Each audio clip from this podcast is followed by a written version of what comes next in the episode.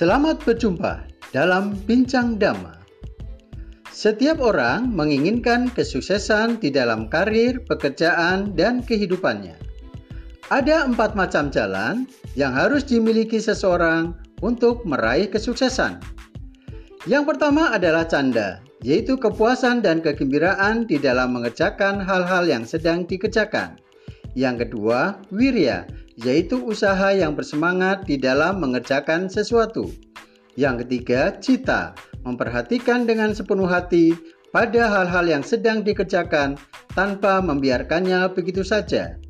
Yang keempat, wimangsa, yaitu merenungkan dan menyelidiki alasan-alasan di dalam hal-hal yang sedang dikerjakan.